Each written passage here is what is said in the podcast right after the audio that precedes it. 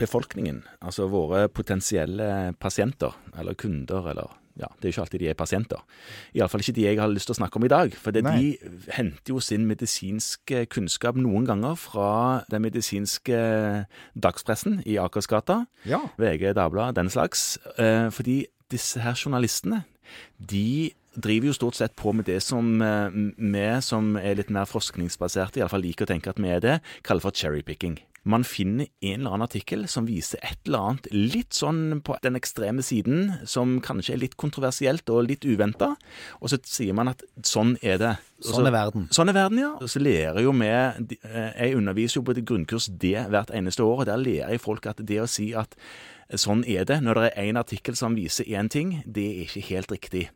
Nei, Nei, det ligger man- til grunn for mye forskning som, som man tenker i forskningsverdenen, ikke sant? At Ja. man må gjerne gjenta resultater og Ja. applisere de på forskjellige populasjoner Ja, og så hvilket studium er det du refererer? Er det, er det et godt designa, randomisert, dobbeltblinda studium, eller er det en eller annen som mener veldig mye om et felt, som har satt seg ned og sagt at sånn tenker jeg at det er? Hvilken type studie er det? Og dette har jo ikke pasienter stort sett noen forutsetning til å, å evaluere og tenke så veldig fint om. Nei. Så når de kommer med utklippet, som de jo noen ganger gjør, som sier f.eks. at eh, man må passe på å ikke spise for mye kalsium, for da øker risikoen for hjerte- og karsykdom. Ja. For det fikk jeg nemlig. Vær så god, hvorfor får jeg så mye kalsium? Dette var en benskjør dame. ja. Hun skal jo ha masse kalsium. Ja, Hun fikk nå iallfall det av meg. Kalsium og D-vitamin. Ja, sånn 1000 milligram med kalsium og pluss D-vitaminsupplement. Stemmer. Helt, helt riktig. Akkurat Ja. det fikk hun, og hadde funnet ut at det, det var jo risiko fordi at hun kunne jo bli hjertesyk av dette. Ja. Og det sto i den artikkelen hun hadde med seg, referert. Sto det der, altså? Ja, det gjorde det. Ja.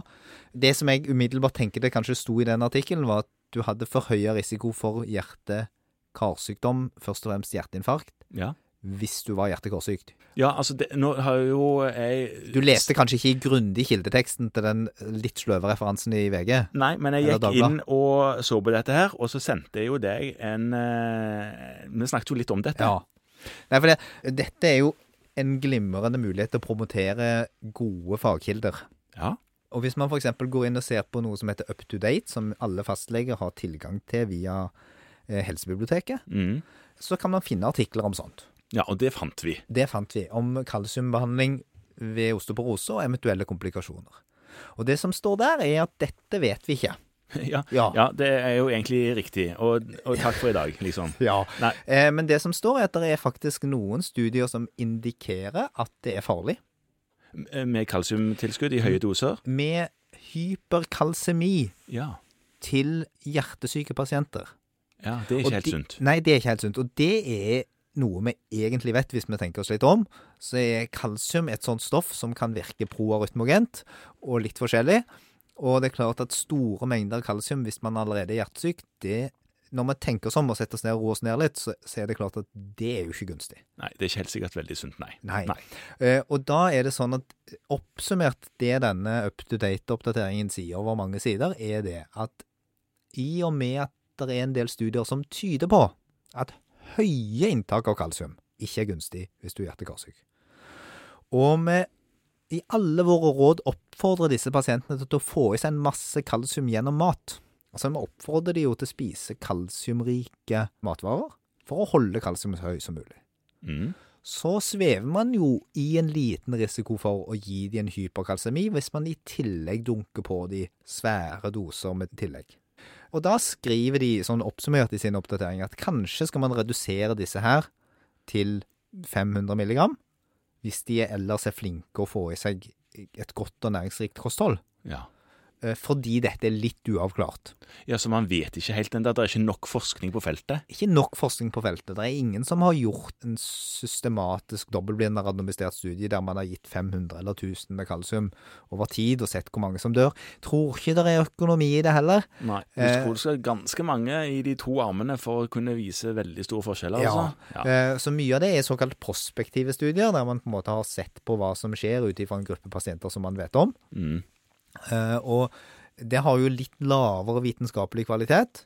Men fortsatt så er det sånn at det er nok en del som har hatt hendelser som gjør at vi godt kan tenke seg litt om.